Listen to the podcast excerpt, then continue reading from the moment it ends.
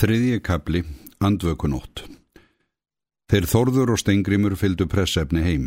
Hann var enn fámál. Þeir sveigðu talið að Þorbirni, létu þess getið, að hann hefði ekki verið komin hingað þegar pressefni hefði verið hér í skóla. Að hann réði miklu í bænum, ræki mikla verslun og mikla útgerð, væri stjórn flestara hlutafélaga í bænum og væri vist orðin auðugur maður. Þorvaldi skildi svo, sem þá hálf langaði til þess að fá eitthvað að heyra um það hvernig honum litist á Þorbjörn. En Þorvaldur var með öllu ófús á allar samræður um það og annað. Fann að hann var sljór og að hann gæti ekki átta sig að fullu á neinu nýja komi skipula í á hugsanir sínar. Húsfreyja tók á móti honum í forstofinni, bað hann vera velkomin og vísaði honum inn í herbergin sem honum hefðu verið útveguð. Hann sá aðeins að hún var hákona og digur. Hann hafði ekki ræn á að sveipast neitt um í stofinu sinni, fór tafarlust inn í Svefnerbergi sitt og fór að hátta. Hún fannst rúmið byltast á ýmsar hliðar eins og rekjan í láru og hann heyrði sjávarskvamp rétt við rúmið eins og á láru. Hún fannst sjóveiki þrýstingin vera að koma fyrir bringsbalirnar eins og á láru. En bráðlega var gnöð sjávar eins að ræðu, langri ræðu um barnatrú og biblíu. Þorbjörn var að tala og þurkaði skeggið á sér með pentudóknum í sífellu og Finnur veifaði nýpnum framöndan sér og allir urðu hrættir og Þorbjörn seildist eftir nýpnum og tók hann að finni. Og Þorbjörn seildist með nývin í hendinu út yfir borðið og handlegurinn var æg lengri og lengri. Og Jón Sigursson satt við hinn borðendan anspænis Þorbjörni og Þorbjörn náði til hans með nýpnum og handlegurinn varð enn lengri og nýfurinn fór í gegnum Jón Sigursson. Handlegurinn fór það líka. Og sjálfur stóð Þorvaldur í dyrunum milli herbergjana og handlegurinn var lengri, ætlaði að fara með nýfinn gegnum hann. En hann fekk vikið sér til hliðar. Og ræðunum var lokið. Þorbjörn var farin að geta standandi, hann átt kjötið og beinin með, heila nöytsriki átan og bruttir hyggjarliðina og menn komið dansandi í loftinu að mununum á honum, litlir menn, hjólfættir menn, hungraðir menn. Hann vissi að það voru ekki líkamir heldur sálir mannana og allir fóru þeir upp í Þorbjörn og ofan í hann. Brakið hyrðist og marrið í beinunum. Allt malaðist ofan í hann eins og korn ofan í kvörn. Og handlegurinn með nýpnum var þenn lengri. Hann stemdi á krismyndina á alltaristöflunni. Þá kom dansmærin út úr umgjörðinni og brá á dansleik kringum krist og andlitið og sigurlögu var komið á dansmeina og hún dansaði og dansaði og Kristur brosti við henni ástúðlega. En hún dansaði burt frá honum, út um veggin, út í geimin, eitthvað langt, langt burt. Og Þorbjörn og langi handlegurinn og nýfurinn dönsuð og eftir henni, langt, langt burt. Og Finnur fór og eftir Þorbjörni, dansaði líka langt, langt burt. Og Jón Sigursson dansaði og eftir Finni, með stórt gat í gegnum sig langt, langt burt. Og Þorvaldur fór sjálfur að dansa. Hann vaknaði, hann heyrði kirkjuklukkuna slá þrjú. Hann reyndi að sopna aftur, en hann gata ekki. Hvaða erendi átti hann hingað? Bóða Guðsríki, bóða sjálfsafneitun, bóða andlegt líf, bóða líf í Guði, bóða kærleika. Og þeir Þorbjörn og Rólfur Hrib höfðu kallaðan til þess. Nei, nú vil ég sofa. Hann gati ekki sofið. Þessi mentunasnöyði, ósíðaði, harðstjóra gaur, þessi kirkjugripa þjófur, þetta átfagl, þessi vínsvelgur, þessi barnatrúar ribaldi hafði skipað hann til þess að reyka erindi Krists í höfustafnum. Hann hafði stýrt viðtökunum. Hann var að leikmannum aðstur fulltrúi andlegs lífs bænarlífs, kærleikslífs í dómkirkjusöfnuðu höfustæðarins. Var lífið þá ekkert annað en skrýpamind af lífi? Nei, nú vil ég sofa. Hann gati ekki sofið. Var hann ekki hinga komin til þess að koma mönnum í skilningum hann sem sagði dæmið ekki og nú var hann farin að dæma honum alveg óþektan mann. Byrjaður á því fyrstu nóttina. Hvað vissi hann nema undir þessari pröfóttu skorpnu húð væri einhver tegund af sálargöfgi sem hann hafði enga hugmynd um.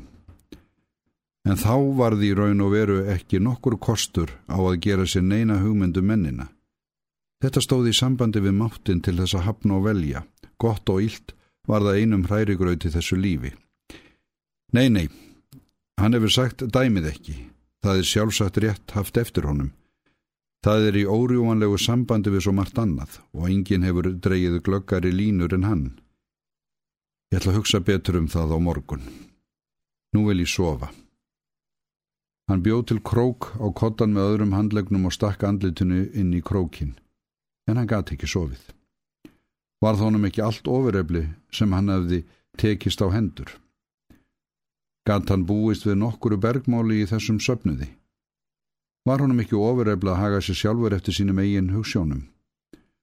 Ef hann gatt það, var þann þá ekki utanvelt í þessu mannfélagi, áhrifalauðs, umkunnarlegur og skoplegur, kjervillingur í augum mannana.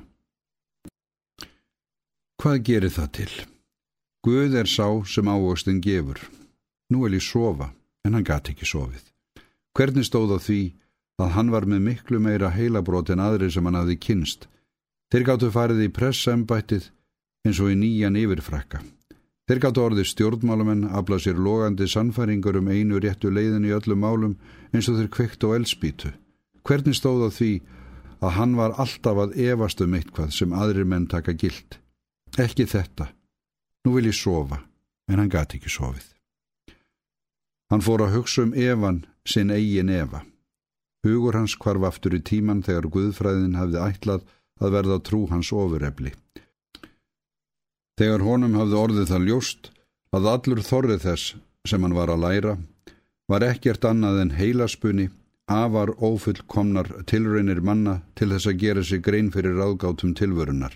Tilraunir sem óvitrir og drottnunargerðin menn höfðu sett í hásætti sannleikans og gert að harfstjórum heilvita mannsandans. Og allt hafði verið að hrinja. Grundvöllurinn hafði verið að ítast undan honum. Öldur trúleysisins hafði flætt yfir skeri sem hann stóð á og umhverfis var ekkert annað en djúpið, dögt og geinvænlegt. Hugurinn rendi sér eins og fálki fram hjá endurminningum hans. Um það er Þorvaldur hafði fengið áraðanlega vittnesku þess á Englandi og í Vesturheimi að svipaðar dásemdir væru enn að gerast í heiminum eins og ýmsar þeirra trúar frásagna er hann hafði viðfengt. Aftur hafði fjarað út af skerinu. En á hugarfærinu hafði engin breyting orðið. Henn nýja vittneskja hafði enn ekki samþýðst huganum. Hún var ekki annað en þekking sem lág í köglum, jók ekki gróður andans. Tanga til eitt dag í Lundunum, þar staðnæmdist hugurinn í dálítilli stofi einu útkverfi borgarinnar. Þar hafði gerst dýrlegasta dásemdinn í lífi hans. Hann hafðist þar við tveggja mánaða tíma. Þennan dag satt hann við gluggan og var að lesa frásagnir frá Sálaransóknarfélaginu Breska. En honum veitti örðugt að festa hugan við það sem hann var að lesa. Næðingur var úti og misvinda. Þorvaldur leitt út um gluggan. Vindurinn tók upp blaðsnifsi á götunni, þeitti því upp og þrep fyrir utan gluggan. Tók það þaðan aftur og bar það á burt. Þorvaldur fór að hugsa um að nú sæja hann það aldrei framar. Gaman væri að vita hvaða því er þá endanum og samt gerði ekkert til um brefsnifsið. Hann langaði ekki til þess að vita það. Hann langaði til þess að vita hvað yrðum sjálfan sig og allara lifandi verur í öllum alheiminum. Hann hlóa sjálfun sér í huganum. Minna mátti nú ekki gagn gera. Veröld við veröld alltaf nýjar veraldamiljónir, óendanlegar miljónir, líkamlegar og andlegar. Hugan sundlaði. Hann sem ekkert vissi vildi vitum þetta allt. Hann fór að hugsa um sistkinn sín sem öll hafðu dáið í æsku. Hvað var orðið um þau og um foreldra sína sem hann hafði ekki séð en áttu svo mikið að þakka. Þau hefðu skiluð honum eftir svo mikið lefni að hann gæt mentast og litast um í veröldinni. Hvað var orðið um þau? Allir sem tilþektu hafðu sagt honum að móður hans hefði verið indisleg kona. Fögur eins og bjartur vormorgun og æsku árum, stilt og þólimóð í andstreyminu. Ávalt full ástúðar og kærleika. Hvað var orðið um hana? Hugurðin var gljúpur sem barsugur. Þá kom lítill drengur, sex ára gamal, þaðan úr húsinu inn til hans og settist á nýið á honum. Þorvaldur hafði séðan áður og haldið að hann væri sonur hjónana. Þorvaldur strauk um kollin á drengnum og spurði hann hvort honum þætti ekki vænt um pappa sinn. Pappi er dáin, saði drengurinn, en Guð ætlar að vera pappi minn. Þorvaldur þagði og horði á dúnmjúka kinnina á drengnum. Mamma er líka dáin, bætti drengurinn þá við, og Guð ætlar líka að vera mamma mín. Hver hefur sagt til þetta, spurði Þorvaldur. Hún móðusistir mín, sagði drengurinn, og hann hljóp gladur og örugur ofan hann hén og Þorvaldi, út úr herberginu og inn til móðusistur sinnar. Þorvaldur satt eftir. Þá rann upp fyrir honum úrslitastund æfinar. Hann ásetti sér ekkert. Viljin gerði ekkert vart við sig. Hann vissi aðeins að frá þeirri stund ætlaði hann að vera Guðsmegin, sannleikansmegin, réttlætisinsmegin, kærleikansmegin alla sína æfi.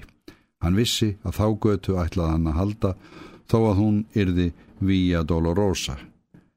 Hann vissi að Guð var með honum nú með einhverjum sérstaklegum hætti. Hann vissi að Guð hafði alltaf verið með honum, hafði ávalt verið fadir hans og móðir hans og heitur ströymur kom einhver staðar innan úr innstu og dularfylstu fylsnum vitundarlífsins og fylti sál hans og líkama óumræðilegum fögnuði sem hann hefði aldrei fundið áður. Hann vissi að hann gætt aldrei orðið trúaður maður með alveg sama hætti og hann hefði verið í æsku. Hann vissi að hann væri orðin frjálsmaður. Hann vissi að sál hans fór aldrei aftur í þar flíkur sem ripnað hafðu utan af henni. Hann vissi að hann gætt aldrei tekið neitt trúanlegt fyrir þá söka eina að aðrir hafðu kent það. Hann vissi að andi hans gætt aldrei framar lotið neinum manni, en hann vissi að hann gætt lotið Guði. Svefnlöngunin var alveg horfin, hjöðnuð í þessari sól. Lundin var aftur orðin létt. Ofurlítið af samskonar hitaströym var komið inn í hugan eins og þar hafði komið þennan dýrlega dag í lundunum. Og hann let hugan líða í loftinu og leika sér upp yfir ókunnuðum höfum tilverunar, fagnandi út af því að allt fengi hann að kanna einhver tíma.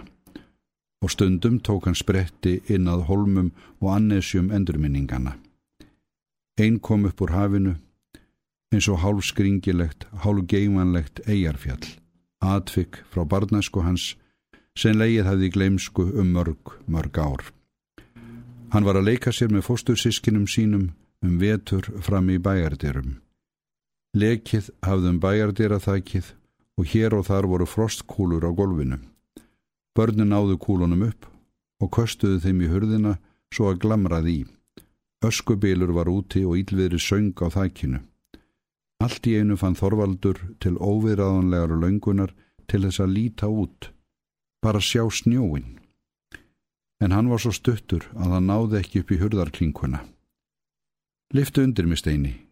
Steini liftu honum upp og upp voru klinkan og inn kom hurðin. Börnin hlupað þröskuldinum, ruttust fastum, íttu hvort aðru frá eins og þau hafðu aldrei séð snjó fyrr.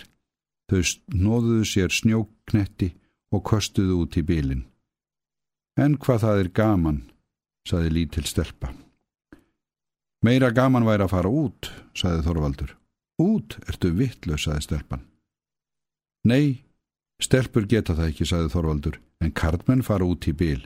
Jáhá, kardmenn fara út í bil, sagðu strákarnir. Eigum við ekki að renna okkur á skýðum ofan öskuhauðin, sagði Þorvaldur. Nei, við megum það vist ekki. Það er svo vond veðri, sagðu hinnir, og þeir gæðust út miklu degar en áður. Karlmenn fara út í bil, sagði Þorvaldur. Ég ætla að fara það. Býði því hérna krakkar. Hann gerði sig svo digran í málrónum sem hann gat, þrei veitt af skýðum þeim sem risu upp við veggin í bæjardýrunum, bógraðist upp á háan bæjarþröskuldin og drasslaði skýðunu og eftir sér út í skablin. Þar stakst hann á hausin, en hann bröldi á fætur. Hann átti undanhald fram á hlaðvarpabrúnina, þar tók við þvernýft brekka. Í hana hafði verið borin aska öld eftir öld. Þorvaldur settist á skýðið og helt sér í ristarholkin og fram af brekkunni fór hann í flugsendingu. Hann láð þar og veltist í skablinu fyrir neðan brekkuna en á fæturna komst hann snöggvast. Hvað sem hann ætlaði að flytja sig til, vald hann út af. Hann hafði ekkert hugsað um heimferðina. Offsin var á móti honum ofan öskuhaugin. Hann gæti ekki einu sinni staði kyrr móti veðrinu. Því síður komist nokkuð áfram í snjónum. Nú var hugur ekkið bilað.